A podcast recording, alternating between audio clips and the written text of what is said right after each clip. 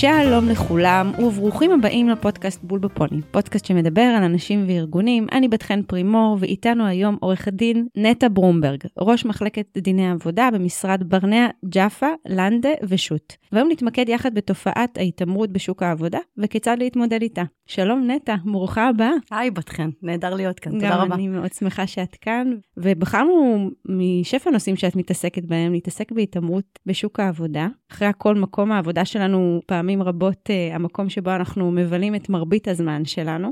אנשים uh, בסוף מחפשים מקום עבודה שיהיה להם טוב בו, ייתן להם תחושת סיפוק ופיתוח, אך uh, יש גם כאלה שאפילו תחושת הביטחון והנוחות הבסיסית ביותר נלקחת מהם, ואנחנו שומעות על זה לא מעט.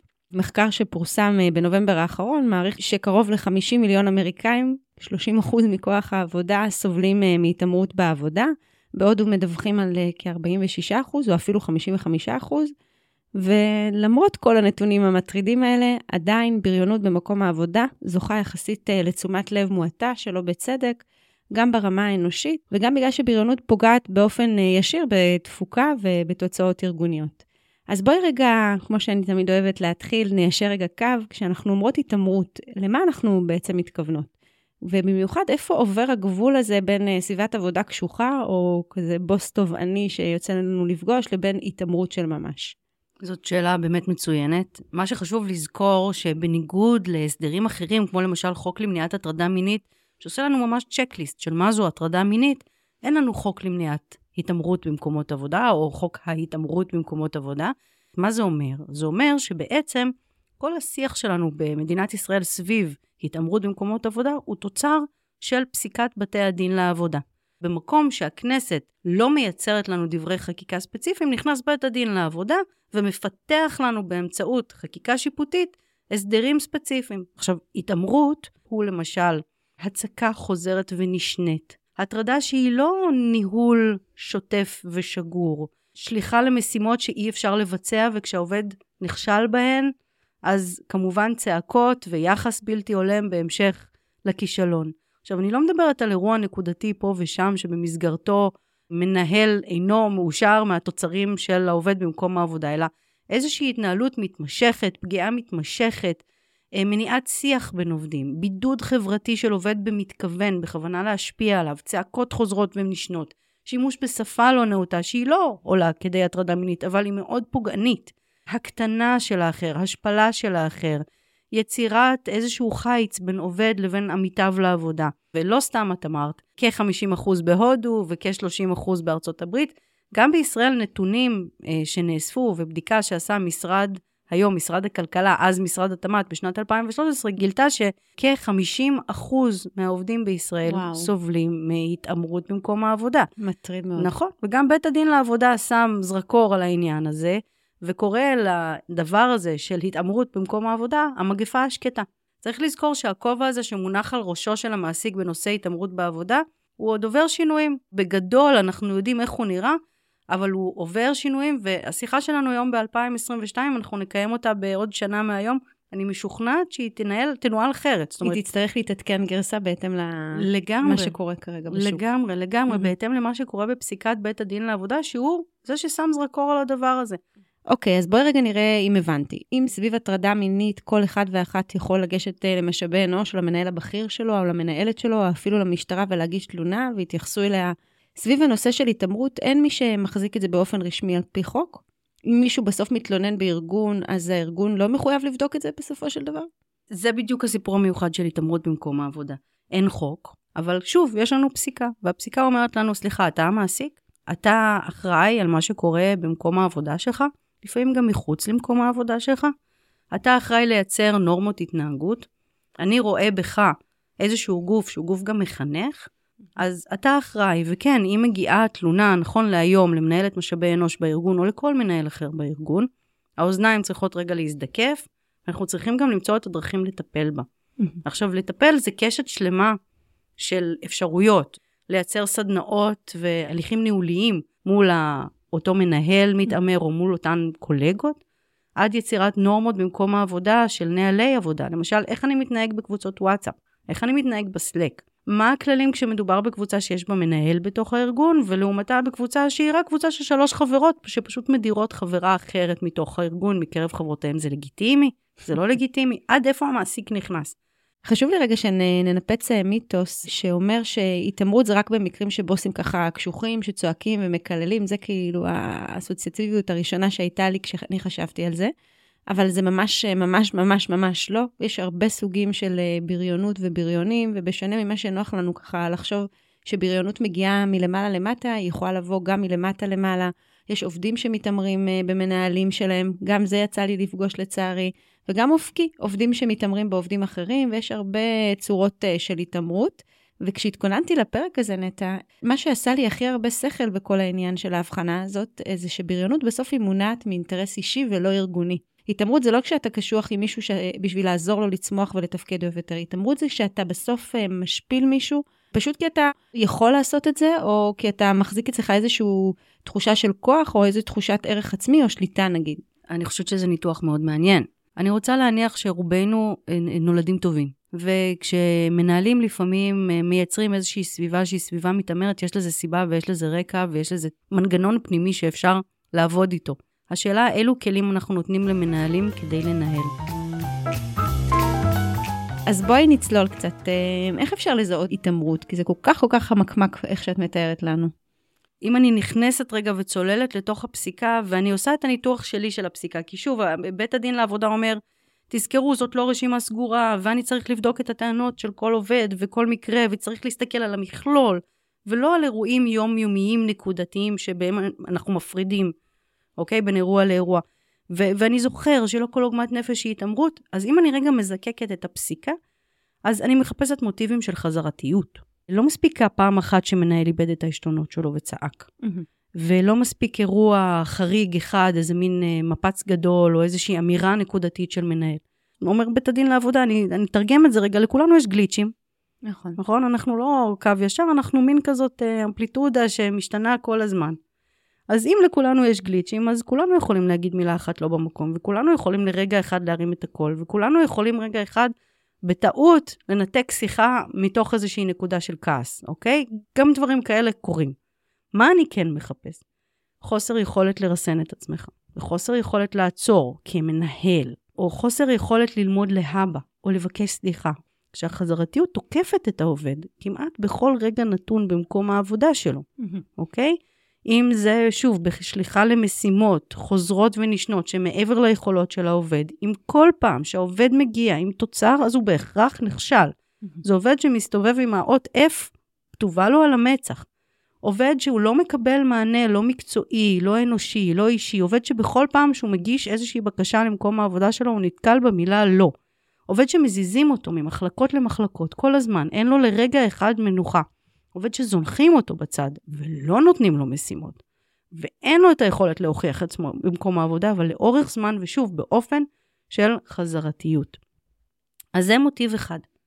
המוטיב השני שאני יכולה לזקק מהפסיקה הוא המוטיב של היתר, overdoing, המוגזמות, הניסיון לחפש את העובד בכל תו ותג, ביקורת מוגזמת, ניטור יתר.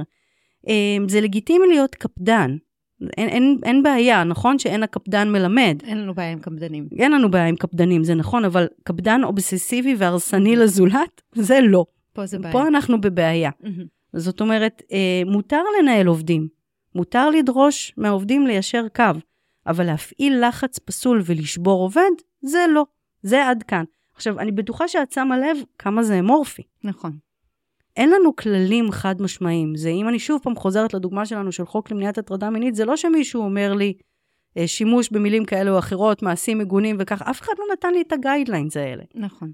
זה מטיל על מעסיקים וגם על בכירים איזושהי חובה לבדוק את עצמם, ולבדוק את עצמם ארגונית, ולראות איך הם מנהלים את הדבר הזה. אגב, זה לא בהכרח רע, אבל צריך לזכור גם את הצד השני של המטבע, שהוא הצד של המנהלים.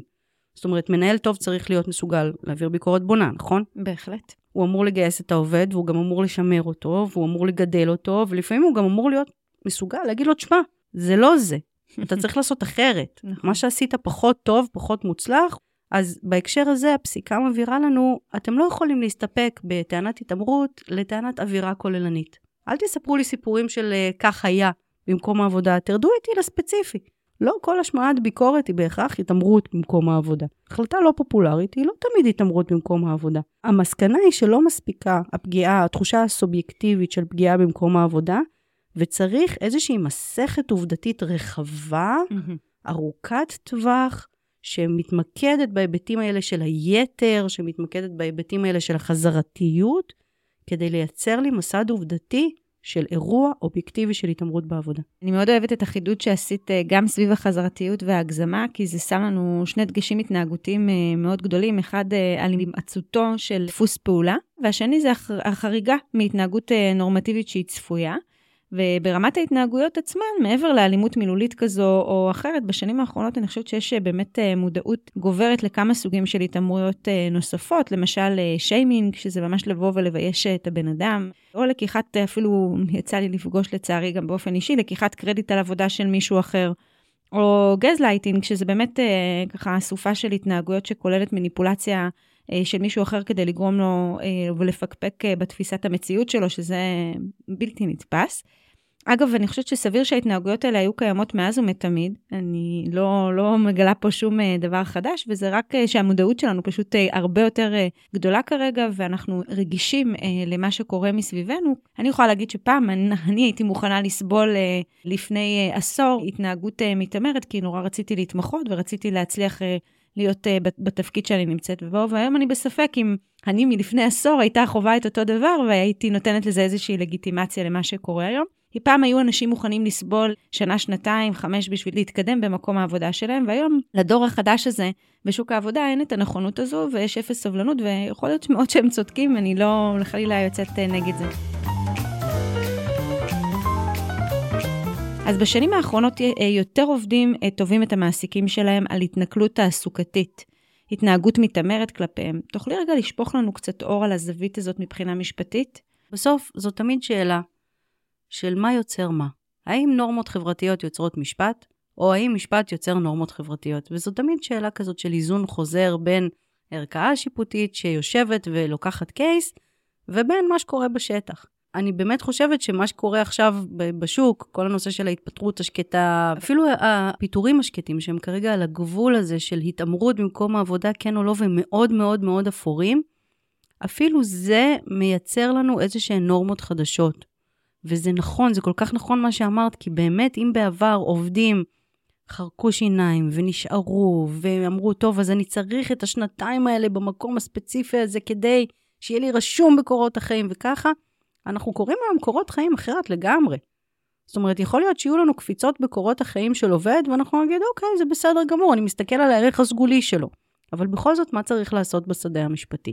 אחד, כמובן שאם יש לנו בעיה ועובד מגיע עם תלונה על התעמרות במקום העבודה, מחובתנו כמעסיק לברר אותה. עכשיו, עקרונות של בירור כבר יש לנו. מישהו כבר קבע לנו אותם בחוק למניעת הטרדה מינית, אנחנו יכולים לעשות השאלה. אנחנו יודעים שאנחנו צריכים לקחת את העובד לשיחה ולהגיד לו, תשמע, השיחה הזאת דיסקרטית. Mm. וזה המקום שלך רגע, במקום בטוח, לספר מה, מה קרה. ואז אנחנו צריכים רגע לקחת את האירועים, את רשת האירועים, ולאו דווקא אירוע ספציפי, את רשת האירועים שהוא מספר ולנתח אותה. ולגשת רגע למנהל ולהגיד לו, תקשיב, הגיעה אלינו תלונה. אנחנו עוד לא קובעים שום דבר, אנחנו רק רוצים לשמוע אותך. בוא רגע נשמע מה קרה כאן, ולשמוע גם את הצד של המנהל. עכשיו, לפעמים העובד ייתן לנו גם קצת וואטסאפים, או צילומי מסך מהסלק, או שהוא ייתן לנו מיילים, או הודעות קוליות, או צילומי שיחות, וכן הלאה וכן הלאה, או שהוא יגיד לנו, לכו תדברו עם פלוני, חבר שלי שיושב לידי בקיוביקל, והוא שמע גם. חשוב רגע לשמוע, לעצור ולשמוע את כל הצדדים במערכת, ואז לעשות ניתוח של הסיטואציה.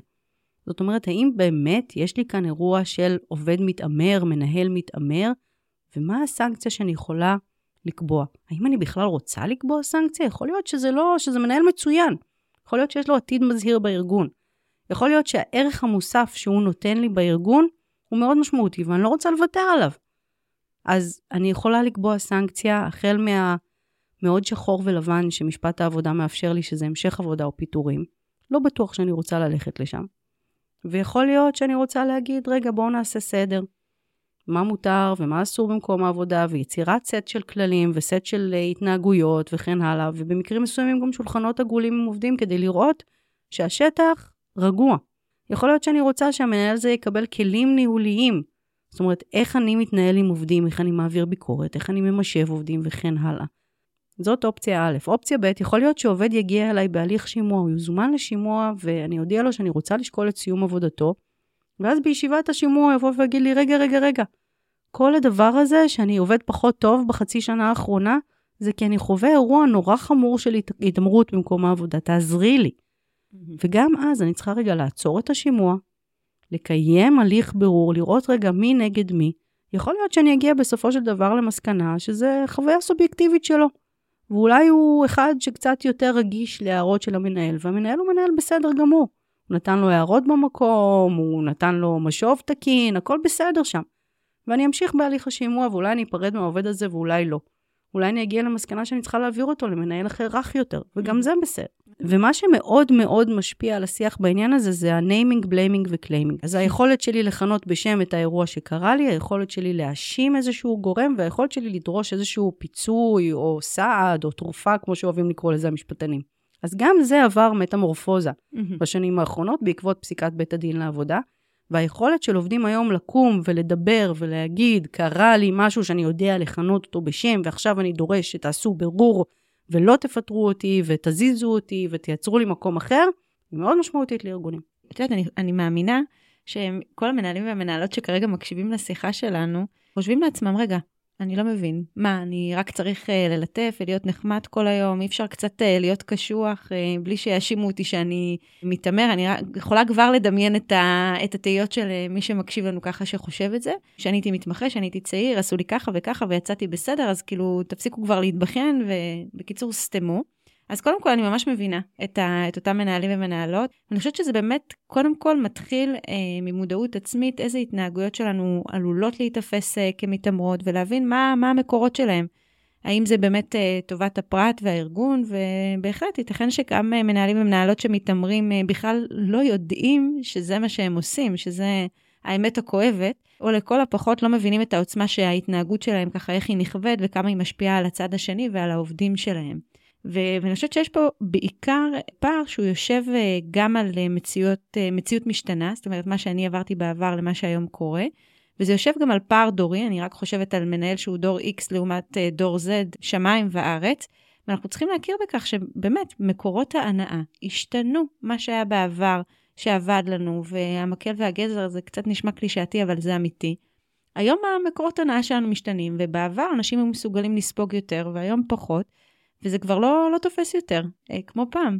זאת נקודה מעניינת, וגם נכונה. אנחנו צריכים לזכור שכמו שהמציאות התעסוקתית מסביבנו משתנה, גם הפסיקה משתנה.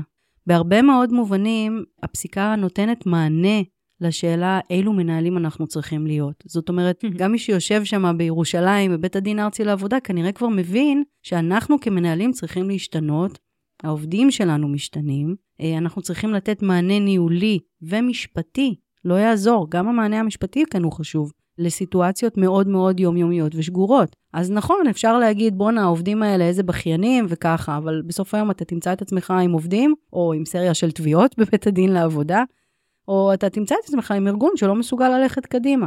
אני חושבת שאם אני רגע סוקרת לעצמי בראש את המעסיקים שאותם אני מלווה, המעסיקים שהם, את יודעת, יציבים לאורך זמן, מתפתחים לאורך זמן וככה, הם מעסיקים שיודעים להגיד, אוקיי, אני בסביבה משתנה.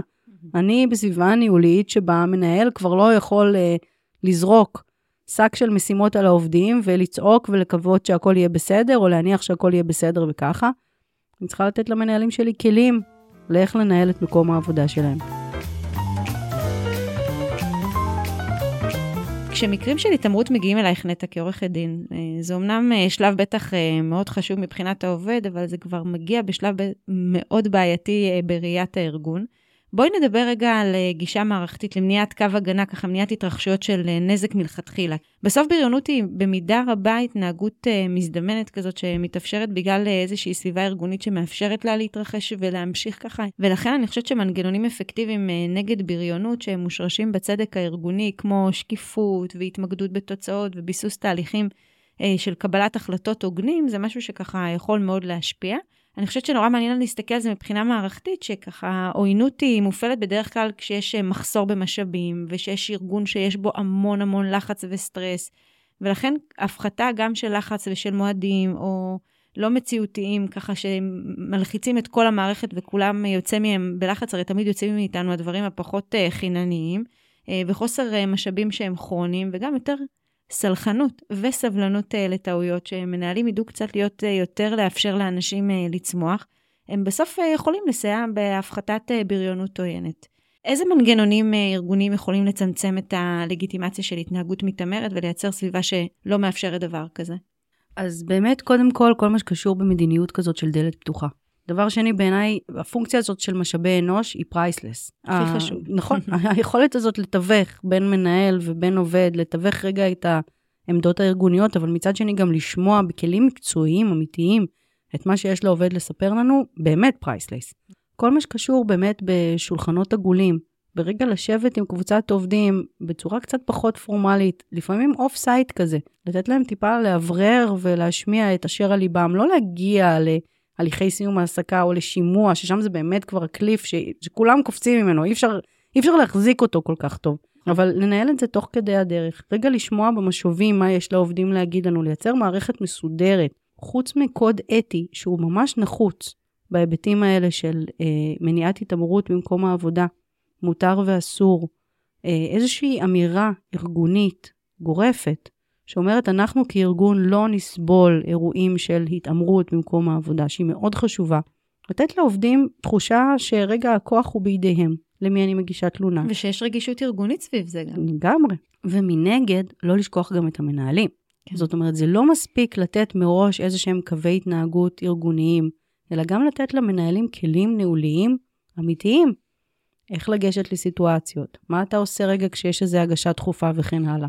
ואני רוצה להדגיש כאן משהו שהוא בהקשר הזה מאוד מאוד חשוב בעיניי, כשמנהלים בכירים נתקלים במקרים של התעמרות, הפתרון שמוצע זה להפריד בין הבריון והקורבן. מתוך מחשבה שזה ימנע את החיכוך, וככה אני בעצם גם לא שורף את המנהל שלי וגם אני נותן מענה לעובד שלי שנפגע. אבל הפתרון הזה בעיניי פתרון שהוא פסול פעמיים, ואני אסביר גם למה, כי פעם אחת בגלל שברוב המקרים הקורבן הוא זה שזז מהתפקיד שלו, ולא בהכרח מי ש... אה, פגע בו, ולכן הוא גם הוא נפגע שוב גם מהמעבר ו, ומזה שהוא צריך להתאקלם במקום חדש. בסוף הוא זה שבעצם אה, משתבש מהשגרה היומיומית שלו. ופעם השנייה זה בגלל שאותו בריון נשאר בריון, הוא פשוט עובר לקורבן הבא, ובעצם אה, לא פתרנו בזה כלום, ויוצא לי לשמוע על מנהלים ומנהלות ששנים, שנים הם פוגעים באנשים שלהם שוב ושוב. יש ממש סיפורי גבורה אה, עצומים, אני בוגר של, אני עברתי את. נכון. ואני אני, אני כאילו, נכון, אני לא נכון. לא מאמינה שזה קיים, אבל זה קיים. ואני חושבת שיש פה ככה משהו שארגון חייב, אה, ומנהלים הבכירים שבו והמנהלות שלו חייבים לשים דגש על זה, כי, כי כמה, כמה עוד אפשר לתת לזה באמת במה ומקום, גם אם אותו מנהל מנהלת הם הטובים ביותר שיש לנו. השיחה המשפטית שלנו, הראשונה שלי, אגב, אני חייבת לציין. את עוברת אותה בהצטיינות. תודה. אני לומדת כאן המון, עוברת מהר, ואנחנו דיברנו לאורך השיחה שלנו על פרקטיקות, אבל הייתי רוצה לשמוע ממך ככה לסיכום, שלוש תובנות ככה שחשוב לך שהמאזינים והמאזינות שלנו ייקחו מהשיחה שלנו. קודם כל, שעוד לא נאמרה המילה האחרונה בעניין התעמרות במקום העבודה, וייקח הרבה מאוד שנים עד שהיא תיאמר. הכובע הזה שהונח על ראשם של מעסיקים, כמחנכים, כמובילי דרך, כאחראים ליצירת סביבת עבודה שאינה סביבת עבודה עוינת, פוגענית, מתעמרת וככה, זה כובע שכל הזמן עובר עיצוב מחדש. אנחנו כל הזמן משתנים. הדבר השני שאני רוצה שאנחנו ניקח זה שיש חשיבות משמעותית גם בהיבט המשפטי למניעת התעמרות במקום העבודה, למתן כלים אה, ניהוליים. המעסיק צריך להטמיע כל הזמן נורמות התנהגותיות, והוא גם צריך להבין שהנורמות ההתנהגותיות האלה כל הזמן משתנות. הנורמות של שנת 2019, לפני משבר הקורונה, הן כבר לא הנורמות של שנת 2022, סוף 2022. והדבר האחרון שאני חושבת שאנחנו צריכים לקחת, זה שברגע שיש אירוע של התעמרות במקום העבודה, או טענה, או חשד להתעמרות במקום העבודה, אנחנו צריכים לברר את האירוע. הבירור הזה של האירוע אמור ללמד אותנו המון, גם על עצמנו כמנהלים, גם על הארגון שבו אנחנו חיים, וגם, שוב, עד כמה המשפט משפיע על החיים שלנו, ועד כמה החיים שלנו משפיעים בחזרה על המשפט. נטע יקרה, תודה רבה רבה לך. תודה רבה לך, זה היה ממש כיף גדול. איזה כיף, גם אני מאוד למדתי ונהניתי מאוד לדבר איתך. תודה רבה. תודה.